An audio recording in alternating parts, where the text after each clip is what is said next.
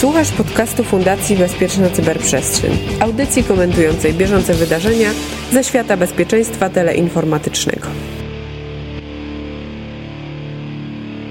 Raptem jeden przedłużony weekend po drodze, a tyle się działo, więc przechodzimy szybko do rzeczy. Mirek Maj i Łukasz Jachowicz zapraszają na 129 odcinek podcastu Cyber Cyber. Zacznę od rzeczy, która Właściwie na jej temat można napisać książkę. Ta rzecz nie jest aktualnością, ale jest jakby takim odpryskiem naszego poprzedniego odcinka, bo omawialiśmy wtedy atak na Colonial Pipeline i sposób działania grupy przestępczej oferującej oprogramowanie i całą infrastrukturę ułatwiającą włamywaczom wymuszenia. I na Twitterze przeczytałem potem, pozwólcie, że, e, że przeczytam, e, to w trzech tweetach było, ale połączyłem w jeden akapit. Jeden z naszych e, słuchaczy napisał – nie podoba mi się ten kpiący ton około 6 minuty. Po pierwsze, uważam, że specjaliści IT-sec czy w ogóle od bezpieczeństwa w dowolnym aspekcie, nie tylko IT, powinni zachowywać albo przynajmniej starać się udawać neutralność. To, czy coś jest dobre czy złe, powinno być oceniane przez sądy, czyli instytucje powołane do rozliczania intencji, zaś ludzie od bezpieczeństwa powinni skupiać się wyłącznie na jakości w płaszczyźnie technologicznej, czyli skuteczne, dobre technicznie, lub nieskuteczne, złe, słabe technologicznie. Po drugie, ludzie stojący za ransomware nie budują reputacji dla jaj. Budują ją po to, żeby potencjalni klienci nie bali się płacić, aby mieli pewność, że jak zapłacą, to faktycznie dostaną ten upragniony dekryptor i uratują dane. Później była jeszcze wspomniana zasada domniemania niewinności. Widzę swoją odpowiedź na tego tweeta, ale tak na szybko nie potrafiłem znaleźć tweeta, w którym to pierwotnie poruszono. Nie wiem, czy on dalej jest, czy, czy po prostu w moim telefonie tylko zniknął. E, no ale generalnie temat to jest na książkę albo na doktorat, ale może spróbujmy się do tego szybko odnieść. Co o tym sądzisz? No już trochę odnosiliśmy się e, właśnie na, na Twitterze, to zdaje się pierwszy nawet zareagowałeś. Ja, ja mam z tym taki dylemat, że generalnie rzecz biorąc jakby staram się szanować wszelkie wypowiedzi, które gdzieś się tam pojawiają i dyskusje, no bo po prostu na zasadzie warto rozmawiać, dyskutować. Natomiast no, no jednak no, to są takie wypowiedzi, które no doskonale można było wpisać właśnie dokładnie w narrację tych, e, którzy ransomware rozsyłają. No to nie jest oczywiście, proszę dla jasności od razu wyjaśnię, żadne e, podejrzenie, tak i próba e, jakby po, połączenia osoby, która te komentarze wystawiała na Twitterze z tymi ludźmi, którzy to robią, ale to troszeczkę tak właśnie oni w taką narrację wchodzą, tak, próbując próbując przedstawiać to jako no niemalże uprawniony biznes, tak? I, i to jest taki trend, który jest od, od lat, e, że jest, bo to jest poważne e, zjawisko. To zjawisko najłatwiej wyjaśnić na przykładzie dzisiaj może już trochę zapomnianych, ale takich dylematów związanych z piractwem. E, związanych z, e, nie wiem, ze ściąganiem muzyki i tak dalej, bo dzisiaj to, to, to, chyba trochę zanikło, ale ja pamiętam, że kiedyś czytałem takie badania, że, e, które robiono w, w szkołach tam podstawowych czy średnich i wychodziło na to, że problemem jest to, że większość tych ludzi w ogóle nie rozumie, że to jest łamanie prawa nie, jakby nie, nie, nie, nie przyswaja tego, tak? W sposób taki mentalny w ogóle jakikolwiek. I tutaj trochę chyba takie zjawisko wystąp, wystąpiło, bo w tych, w tych grupach, które się zajmują takimi rzeczami, oni też często uderzają w takie tony. Jak zamykali takie różne czarne rynki, po prostu takie nielegalne po prostu jakieś serwisy aukcyjne i tak dalej, no to często tam też się pojawiały takie głosy pod tytułem dlaczego oni to robią, musimy z czegoś żyć, utrzymujemy swoje rodziny, takie, takie myślenie o tym, że to jest normalny biznes, a to po prostu nie jest normalny biznes, tylko to jest przestępstwo, no i dlatego trudno to zaakceptować. Znaczy, jeżeli chodzi o nielicencjonowanie, ściąganie e, informacji z internetu, to to tutaj nadepnąłeś, no, to tutaj możemy podyskutować, ale to jest zupełnie inny tak, podcast. Ja wiem, z tobą tak, w szczególności. Bo, tak. bo ja przez wiele e, lat e, promowałem kompletnie inne podejście do tego, czy informacja powinna być wolna, czy nie i w dalszym ciągu zgadzam się ze swoim podejściem sprzed 20 lat. No to Łukasz, informacja, tak, to też to inf informacja to trzeba by było jeszcze gdzieś tam pokategoryzować. To mówimy generalnie o, o prawach autorskich na przykład do utworów muzycznych. Tak? Generalnie e, tak i tutaj e, jest moim zdaniem śliski grunt, ale w momencie, kiedy e, ktoś przygotowuje usługę, która polega na tym, że daje narzędzia oraz całą infrastrukturę służącą, żeby komuś y, przywalić pałą, zabrać mu jego pieniądze, zniszczyć jego rzeczy w taki sposób, żeby te rzeczy mu już nie zostały, pieniądze, żeby mu już nie zostały, y, to uważam to za czysto przestępczą działalność i ludzi, którzy. I taką działalność będę nazywał przestępcą. Zresztą w moich notatkach do odcinka mam ten punkt dyskusji zapisany jako, czy możemy nazywać bandytów bandytami, i to dobrze oddaje moje zdanie w tym temacie. E, co więcej, uważam, że mieszanie hakerów i przestępców właśnie w tego typu ciągach myślowych bardzo szkodzi hakerom, bo e, je, to, to jest właśnie moim zdaniem wielki problem komunikacyjny, wielki problem współczesnego dziennikarstwa i wielki problem hakerów. Tego, że przegrali walkę o słowo haker.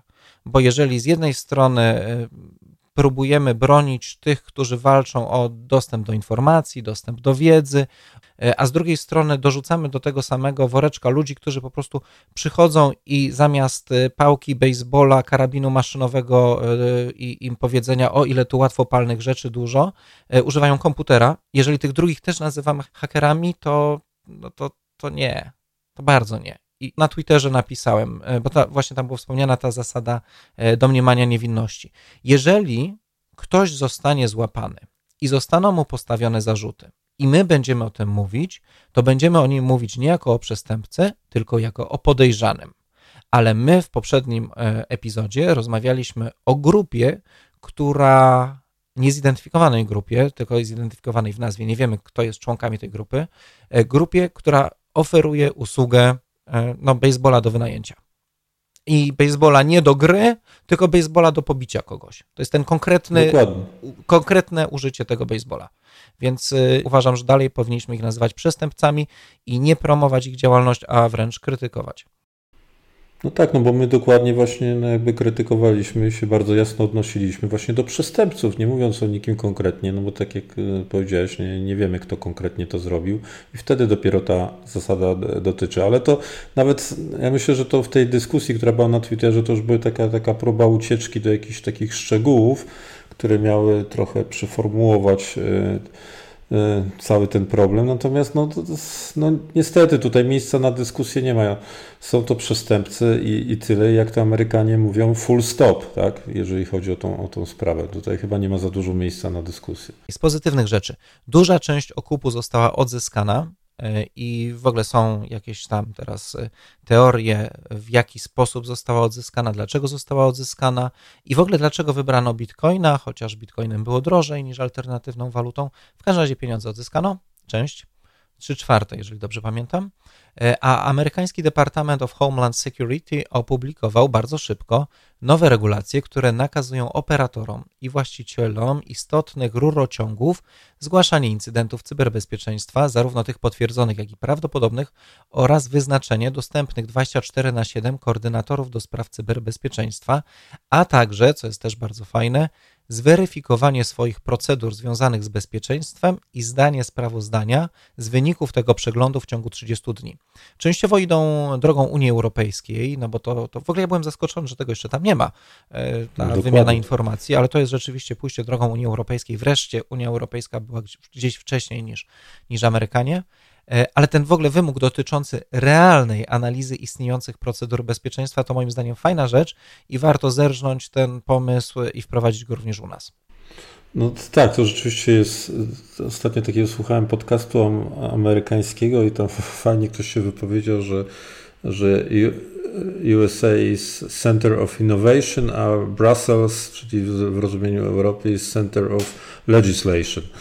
I rzeczywiście e, to przedziwne jest, że w ogóle no, dla podmiotu tego typu jak, jak Colonial Pipeline, Pipeline i w ogóle teraz się wprowadza, że, że oni teraz mają zgłaszać. No to dla przypomnienia, no to znowuż jesteśmy jakby tu bardzo do przodu, no bo w Krajowym Systemie Cyberbezpieczeństwa z pewnością e, każdy podmiot tego charakteru, który w Polsce fun funkcjonuje, jest operatorem usługi kluczowej i mam dosyć jasno określone zasady zgłaszania incydentów, gdzie je zgłasza i że musi je e, zgłaszać. Także e, aż się dziwię, że to w warunkach amerykańskich nie było, nie było takie proste. Natomiast no to, to, to jest jakby legislacja ciekawe jak w rzeczywistości jest, no bo to trochę też możemy złośliwie przypomnieć, że jeszcze jakiś czas temu e, też e, urzędy różne amerykańskie, nie pamiętam który dokładnie, to tak mówię ogólnie, nakazywały jasno, że nie powinno się płacić e, okupu, no a tutaj e, przy, przy ransomware'ze. Tak, Ale prawda? bez konsultacji, tutaj, bez zgody. No, no, bez konsultacji. I, i, no tak, i to w ogóle teraz... jest, y, wydaje mi się, u, u podstaw tej teorii, która mówi, że pieniądze odzyskano dlatego, że ten okup zapłacono ze zgodą i specjalnie wybrano bitcoiny, gdzie ten okup był wyższy o pół miliona dolarów, jeżeli dobrze pamiętam, właśnie dlatego, że bitcoiny, jeżeli nie będzie jakiegoś wie, wie, wie, machera dobrego po drugiej stronie, da się wyśledzić, da się w pewnym momencie położyć na nich rękę. No, wygląda na to, że trochę to, to się stało, chociaż nikt dokładnie nie wie jak. Natomiast wracając jeszcze do tego, bo powiedziałeś, że odzyskali 3 czwarte, no niestety z punktu widzenia wartości to już tylko połowę. No poczekaj na tweety Elona, wróć. Bo, no tak, no chyba, że Elon tutaj po prostu też dostanie nakaz jakiś z FBI co do tweetu progresywnego, jeśli chodzi o, o, o bitcoiny i jeszcze on tam chyba teraz ma pogróżki jakieś, także być może z, z tym na razie się, się zajmuje. Ale ciekawy jest rzeczywiście ten wątek, jak to e, odzyskano, bo no z jednej strony mamy tutaj e, tę, ten tą notatkę prasową, która wyszła z Departamentu e, Sprawiedliwości Stanów Zjednoczonych, w których jasno się mówi, że FBI has the private key, tak, czyli któregoś z tych e, portfeli y, bitcoinowych. Nie wiadomo, ja, i teraz jest pytanie, skąd ma ten, ten, ten private, e, private key, bo tutaj są oczywiście różne scenariusze, można by było powiedzieć, no tak, tak troszeczkę od strony technokratycznej, różne wektory ataku na taki, e, na taki portfel, no zakładając, że to on, on od początku nie był e, portfelem FBI, no bo tutaj i tak mogło być, tak? Tego też nikt dokładnie e, nie wie. Tą, tą hipotezę możemy jeszcze przywołać, jak e, będziemy przy ostatnim punkcie dzisiejszego odcinka, jeżeli oczywiście się zmieścimy z ostatnim punktem dzisiejszego odcinka, więc pamiętajmy o tym. A ja teraz, a w ogóle to jak się pochwalili, że mają ten prywatny klucz, to ja mam nadzieję, że wcześniej usunęli te bitcoiny z tego konta, dopiero potem się pochwalili, a nie na odwrót. E, tego już nie zweryfikowałem. E, w każdym razie. Nie, to w, jak tu o tym rozmawiamy, no, no bo to jest ciekawa historia, no bo to, to zaraz, jak to się e, jakby przejmuje bitcoiny z, z czegoś, co tak jest uważane jako no bardzo, bardzo bezpieczne, no to y, też może warto jakby zwrócić uwagę na takie tak ogólnie, tak, nie wchodząc w jakieś szczegóły, na takie mo możliwe, możliwe wektory ataku. Może FBI prowadzi jakiś mikser kryptowalut? Nie, nie, wiadomo dokładnie, ale tutaj się podaje e, takie scenariusze, na przykład no, taki klasyczny, tak, że można po prostu przejąć taki klucz poprzez przejęcie jakby praw administracyjnych na, na komputerze. Trzeba oczywiście wiedzieć, na którym to zrobić, no i po prostu mieć tam malware typu spyware, tak, i, i może się okazać, że zaraz mamy hasło, tak, i też przy okazji jeszcze do, dodatkowo sobie ten, ten klucz przejąć też. To jest jakby jeden ze sposobów mogę rzucić tutaj teorię spiskową. Może być też tak, że pieniądze zostały oddane, żeby dali im spokój.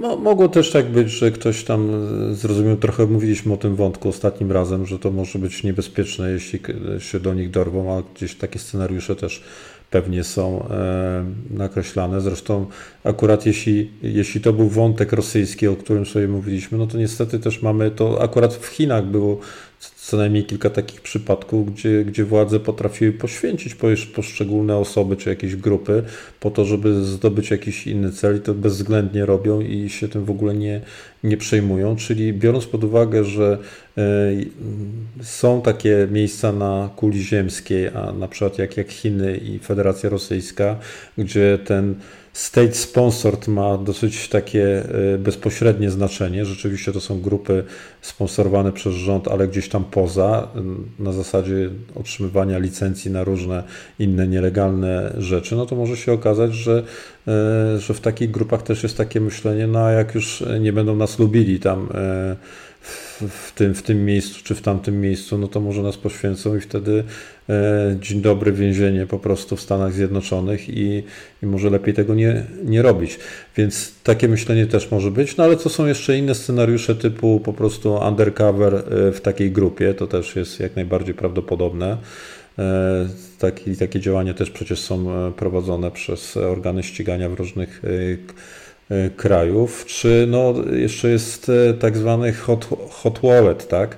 I tutaj bym powiedział, że to może być dosyć prawdopodobne, czyli e, ten zaufany przetrzymywacz, że tak się wyrażę, tych bitcoinów, który też w tym momencie ma hasło do klucza prywatnego dla usprawnienia pewnych, pewnych działań, no może być zmuszony no, nakazem prawa do współpracy z władzami i, i w tym momencie już FBI może napi napisać, że ma dostęp do klucza prywatnego. Tak? Przy czym e, tutaj istotne zastrzeżenie, tutaj troszkę też piję do swojego dzisiejszego, dzisiaj jest czwartek 10 czerwca, tweeta dotyczącego artykułów Rzeczpospolitej. E, ostatnia parę minut podcastu jest gdybaniem. My nie wiemy, jak było i nie udajemy, że wiemy, jak było. Dokładnie tak. Całkiem niedawno rozmawiałem z dziennikarzem prawo.pl na temat e, skrzynek pocztowych instytucji publicznych w domenach popularnych e, portali internetowych. Dawno temu takim tematem dnia był fakt, tematem roku tak naprawdę, był fakt, że ówczesna sekretarz stanu USA korzystała też z prywatnej poczty do spraw służbowych E, a tymczasem od paru dni obserwujemy na Telegramie coś, co jest nam przedstawiane jako dane wykradzione ze skrzynki ministra Michała Dworczyka. Są tam na przykład skany jego dokumentów, warszawski adres zamieszkania, e, projekt etatu baterii startowej NAREW, nie wiem co to jest etat baterii startowej, przepraszam, CVK, dyrektora Rządowego Centrum Bezpieczeństwa. Różne rzeczy generalnie są tam publikowane. Dodatkowo pojawiła się mała akcja dezinformacyjna związaną z publikacją informacji na facebookowym koncie żony pana ministra. Ja tak swoją drogą od, od jakiegoś paru miesięcy obserwuję na bieżąco wyciek danych e, osób związanych z irańskim programem ofensywnego cyberbezpieczeństwa i tu to wygląda bardzo podobnie. Znaczy mamy jakąś nieznaną osobę, która wypuszcza dane, które jakoby pochodzą z jakiejś tam skrzynki pocztowej. A pytanie na dziś właściwie, czy jesteśmy świadkami jakiegoś jawnego kawałka wojny informacyjnej? Nie wiem, albo coś wyskoczyło na jaw, co wcześniej nie powinno wyskoczyć, o czym nie wiedzieliśmy, bo się zastanawiam, po co w ogóle coś takiego teraz się dzieje, e, co spowodowało, że, że te dane są publikowane, czy ktoś próbuje coś nam powiedzieć, czy ktoś próbuje kogoś e, usunąć sobie z drogi. Co się w ogóle dzieje? Trudno tutaj powiedzieć, bo rzeczywiście tutaj przy, przy tej okazji, przy okazji tej, tej osoby, myślę tu o, o ministrze Dworczyku, nie ma chyba jakiegoś szczególnego w tej chwili e, wydarzenia o charakterze politycznym, które można by było tutaj ściśle powiązać. No oprócz tego, że generalnie jest jakby twarzą w wielu przypadkach rządu, tak? I, i jest to chyba fragment czegoś takiego, że no, pojawia się od czasu do czasu, bo mieliśmy przypadki wcześniej związane, zdaje się, tutaj z, z posłem Suskim, prawda? Mieliśmy nawet w którymś, w którymś takim odcinku przejmowanie tych e, kont różnych facebookowych czy twitterowych i to jest takie systematyczne gdzieś tam drenowanie pod, pod e, drenowanie pewnej no jakby zaufania tak, do, do, do środków rządowych, z którymi no jak najbardziej można wiązać e, różne wydarzenia z, z obszaru wojny informacyjnej, no bo one się tak wpisują. Te, to, co jest też wykonywane, tak jak słusznie tutaj o, tych określeń używałeś, że poniekąd albo do, domniemane informacje stąd i tamtąd, bo, bo to wszystko nie jest e, poparte żadnymi dowodami technicznymi. E, no i co więcej, ja się obawiam trochę, no oby, nie, oby, oby, było tak, że wszystko co najpoważniejsze to już zobaczyliśmy, no bo tam to jest tak, no z jednej, ja bym powiedział w ten sposób, rzeczywiście tam nie ma informacji o charakterze, e, formalnie ujmując je jako informacje niejawne.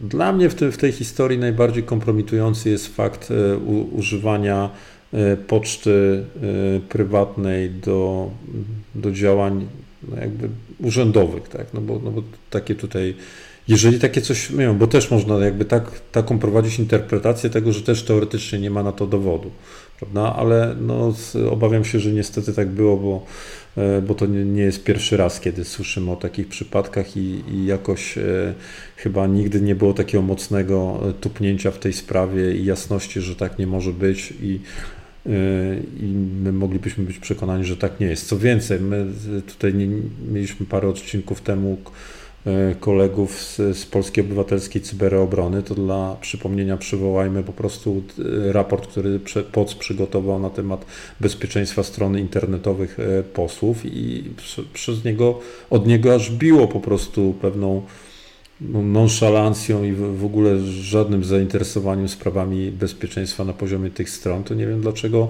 miałoby być inaczej, jeśli chodzi o, e, o na przykład o pocztę, prawda, albo konta w, w portalach e, społecznościowych. Więc tutaj no zdaje się, że chyba e, no jednak jest duża praca do wykonania, żeby sobie uświadomić, że no w, pewnych momentach jakby tej kariery, działalności takiej już politycznej, no to no trzeba po prostu no, mocno postawić na, e, na bezpieczeństwo i trzymać się jakichś zasad. Pewnie słuchać tych, którzy te zasady, e, zasady gdzieś tam promują wewnętrznie. My je mniej lub bardziej e, widzimy. Są CISERTy krajowe, które na pewno powinny się E, jakby tym, tym zająć i może się zajmują, a może nie wszyscy ich słuchają. Tutaj za dużo jest niewiadomych, to jest może słabe, tak, że my to tak mamy, musimy cały czas po prostu spekulować, aha, czy, a czy to się, czy tam było coś, a czy oni w ogóle wiedzą, jak to, jak to robić i tutaj pełno spekulacji jest zamiast jasności, że ktoś zrobił to źle albo tamto e, nie zagrało.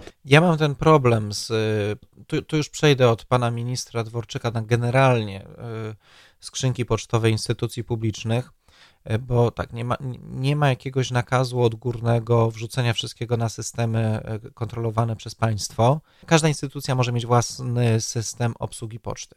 I z jednej strony jest to dobre, ponieważ e, ja na przykład pamiętam kontrowersje związane z tym, kiedy Ministerstwo Sprawiedliwości chciało przejąć kontrolę nad skrzynkami pocztowymi wszystkich sędziów sądów.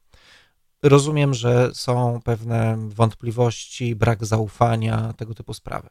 No ale z drugiej strony mamy mm, takie sytuacje, że jakieś instytucje publiczne mają własne serwery pocztowe, ale te serwery pocztowe są kompletnie niezabezpieczone, ponieważ ludzie, którzy są w tych instytucjach, nie znają się na tym i nie mają obowiązku się znać, bo oni są e, panem informatykiem, panią informatyczką od usuwania e, zaciętego papieru i tego, żeby komputery działały, a nie po to, żeby konfigurować serwery. E, dodatkowo, znowu mamy tak, dlaczego państwo, rząd ma narzucać skrzynki pocztowe samorządom i tak dalej, i tak dalej. Także tych problemów, takich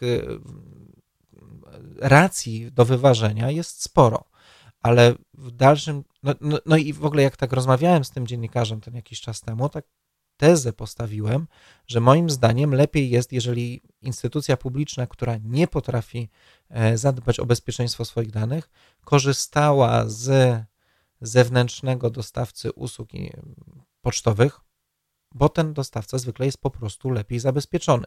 No, ale jeżeli mamy sytuację, no chyba nie miałeś na myśli WP. No nie, no myślę, że WP też potrafi zabezpieczyć swoją pocztę, ale po pierwsze, nie wiemy, czy ta poczta rzeczywiście pochodzi z poczty WP pana ministra, to raz. Ja od razu mówię, my to ten odcinek nagrywamy półtora dnia po tym, jak ta informacja ujrzała światło dzienne, więc naprawdę niewiele wiemy. Po drugie, nie wiemy, jak było zabezpieczone to konkretne konto. Czy była dwuskładnikowe uwierzytelnianie, czy było to samo hasło, które panu ministrowi no, pojawiło się w kilku wyciekach, bo reuse haseł jest wielkim problemem. Także nie wiemy, czy problem był w serwerach, które przechowywały pocztę, czy był problem w haśle, czy był problem w jakimś phishingu, na który ktoś mógł się załapać, czy w ogóle nie było problemu i te dane pochodzą z zupełnie innego miejsca, my gdybamy i szukamy w zupełnie innym miejscu.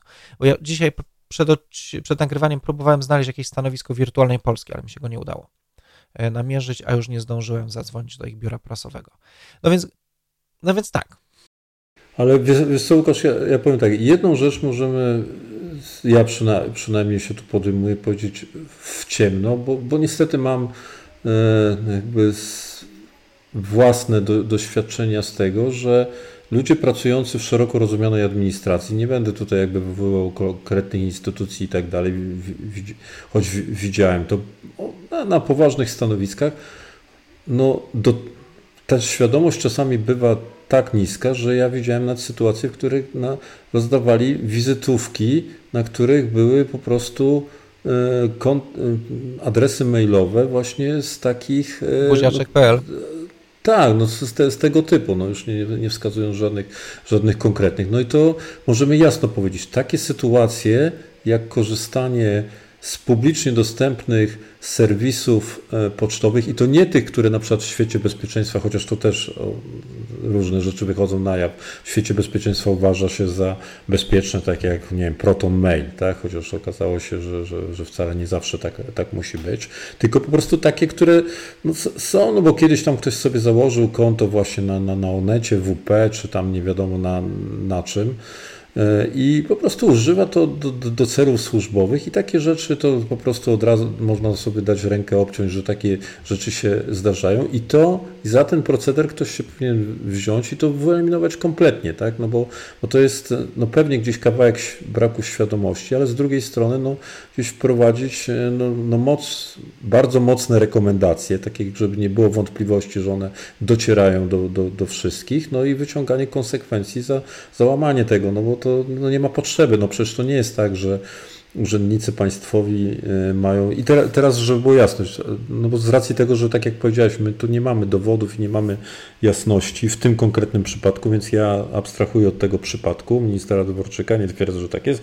bo może rzeczywiście on wcale tam nie ma, ale, ale wiem, że, że, że jest iluś ludzi, którzy mają i, i to widziałem nie, nie raz. E, no i po prostu to trzeba wyeliminować, tak? I na, na poziomie e, działań również tych, którzy odpowiadają za e, cyberbezpieczeństwo w Polsce, którzy są wskazani w Krajowym Systemie Cyberbezpieczeństwa, po prostu powinni przeprowadzić takie akcje, żeby to wyeliminować, żeby to się nie zdarzało po prostu i tyle. No. W niektórych przypadkach nie może być to narzucone, ponieważ no, poseł nie powinien mieć narzuconej informacji, ale w edukację warto zainwestować. W edukację no, no tak, nie, po, nie powinien mieć, nie powinien mieć, ale z drugiej strony tak. No tak, ale z drugiej strony no, no gdzieś musi być jakieś rozwiązanie, no bo trudno zaakceptować sytuację, w której ktoś, e, kto no, uczestniczy w poważnych, no, no bo mówisz, że poseł, no zgadzam się, no ale z drugiej strony ten poseł jest na, na, na przykład członkiem Komisji do Spraw Służb Specjalnych, prawda? I teraz no i co, i też, też żadnych nie mamy w związku z tym dla, do niego? No ale Komisja do Spraw Służb Specjalnych rządzi się swoimi prawami i oni mają tajną kancelarię, no, tak. no dobra, wiem, i tak korzystają. No, oni, ra, oni raczej mają ta, tajny, tajny dla nas sposób po prostu korzystania z różnych e, zdobyczy teleinformatyki, które, które nie no właśnie ta, ta tajność sprawia, że później do, dochodzi do, do, takich rzeczy. Tak? I to jest niestety taki proceder. Zresztą powiedzmy sobie szczerze, no on też nie jest tak, że, że jest tylko u nas, no bo znamy przecież historie poważniejsze ze Stanów Zjednoczonych chociażby. Ale no, nie musimy, no przed chwilą rozmawialiśmy o, o tym, o Colonial e, Pipeline i mówiliśmy, że to tam słabo jest z niektórymi rzeczami, no to no to wcale nie musimy zawsze korzystać ze wzorców amerykańskich. Prawda?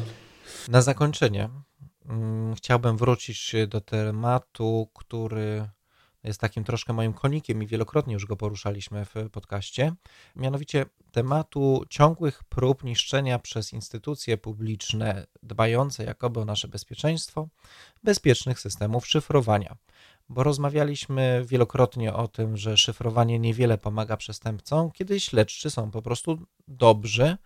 E, I, ale mimo to co jakiś czas pojawia się pomysł, hej, e, wprowadźmy backdora, zakażmy bezpiecznego szyfrowania, bo tylko przestępcom to ułatwia, ale backdoor będzie taki, że, że tylko my, ci dobrzy, będziemy mogli sprawdzić e, twoje informacje, a ci źli nigdy nie dowiedzą się, jak do nich dotrzeć. I do niedawna przykładem dobrze poprowadzonej kampanii z dobrymi śledczymi e, i udanej, mimo że przestępcy korzystali z szyfrowanej komunikacji, e, było zamknięcie i przechwycenie kontroli nad EncroChat. Nie wiem, czy o tym pamiętasz. nie wiem, z rok temu to było. Nie pamiętasz? Nie pamiętam. O rany, musimy No, ale- zrobić odcinek o tym, bo to w ogóle fascynująca historia. Serwery w bunkrach. y, nie, g- Genialna rzecz. Ale w każdym razie y, EncroChat dla mnie był takim majstersztykiem działalności pokazującej, że szyfrowanie może działać, jeżeli dobrze, dobrzy są śledczy, bo im to nie przeszkodzi. E, W każdym razie w ostatnich dniach y, m, zdarzyło się coś, co moim zdaniem odes- odsyła tą historię EncroChata w ogóle na ławkę archiwistów rezerwowych, bo przeczytałem, że amerykańskie FBI, holenderska i szwedzka policja, DEA, e, organy ścigania 16 państw e, stworzyły sobie sieć bezpiecznej komunikacji, ANOM. I ta sieć jakoby bezpiecznej komunikacji była bardzo popularna na przykład wśród dealerów narkotyków. I właśnie zakończyła się akcja, e, przeszukanie kilkuset domów, areszt- aresztowanie kilkuset e, osób na całym świecie, e, zatrzymanie kilku ton twardych narkotyków i to wszystko dzięki temu, że no, FBI zbudowało system komunikacji i zachęciło mm, przestępców do korzystania z niego. Fajne, fajne nie? Bardzo skuteczne, wymaga inwencji, wymaga pomysłu.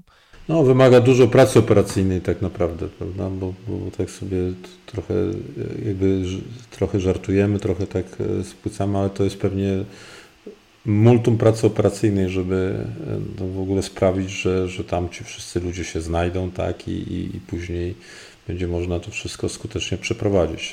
No i multum zagwozdek prawnych i etycznych, no bo skoro przechwytujemy komunikację i widzimy na bie... w ogóle to chyba y, z Enigmą mieli problem w czasie II wojny światowej. Y, Jak zrobić, żeby e, utrudnić albo uniemożliwić e, na przykład zabicie kogoś, e, jednocześnie nie paląc e, tego, że nie, nie zdradzając, że komuniku- kontroluje się kanały komunikacji. No tak, no bo to, to masz rację, że to nie jest oczywiście ten prosty taki przypadek jak kontrolowane operacyjnie przez służby wiem, serwisy czarnorynkowe, tak, żeby po prostu tam skumulować działalność przestępczą i później to po prostu e, właśnie te, takie na dużą skalę, takie undercover, tak, e, ins- instytucjonalno infrastrukturalny e, i, i później to wykorzystać. Tutaj jest troszeczkę to inaczej wygląda. Rzeczywiście to wi- więcej tych, tych kłopotów etyczno-prawnych się pojawia, zgadzam się. No ja mam nadzieję, że ktoś kiedyś napisze dużą książkę na ten temat i jakieś dokumenty zostaną ujawnione, bo to jest interesujące, ale w ogóle nawiązałem do tego nie dlatego, że tak e, chciałem chwalić e, instytucje, które z batem stoją na nas, nad nami egzekwując prawo, tylko to jest namacalny dowód na to, że nie trzeba niszczyć bezpiecznej komunikacji w internecie, żeby walczyć z przestępcami. I o to apelujemy. Czy decydenci mnie słyszą? To co? To tyle w 129 odcinku podcastu Cyber Cyber. Bardzo dziękuję. No, za następny, uwagę. następny Mirek zawór, Maj. zawór bezpieczeństwa. Zapraszamy serdecznie w większym składzie. Cybersucharia e, znowuż e, przypuści e, bardzo żało- żenujący atak tak, na informacje z obszaru cy- cyberbezpieczeństwa. Miejmy nadzieję, że będzie mo- mocno sucharowo. I Łukasz Jachowicz, bardzo dziękuję za uwagę. Dzięki. Zapraszamy na stronę Fundacji Bezpieczna Cyberprzestrzeń i na nasze kanały.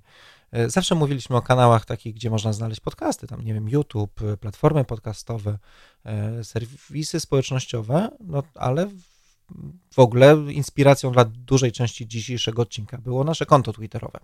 Więc zapraszamy do interakcji z nami. Ale konta na. Telegramie nie mamy. Konta na Telegramie nie mamy. Mm, No, chyba dzisiaj wyszło, że ja sobie zainstalowałem Telegram. A, okej. Więc zainstalowałem Telegram, żeby wiedzieć, o czym mówię, w przeciwieństwie do niektórych autorów mediów e, drukowanych. Już się bałem, że powiesz, że innych autorów tego podcastu. Nie. No ale chyba nie powiem, że to Rzeczpospolita puściła takie. Tak, nie, no nie, nie powiem.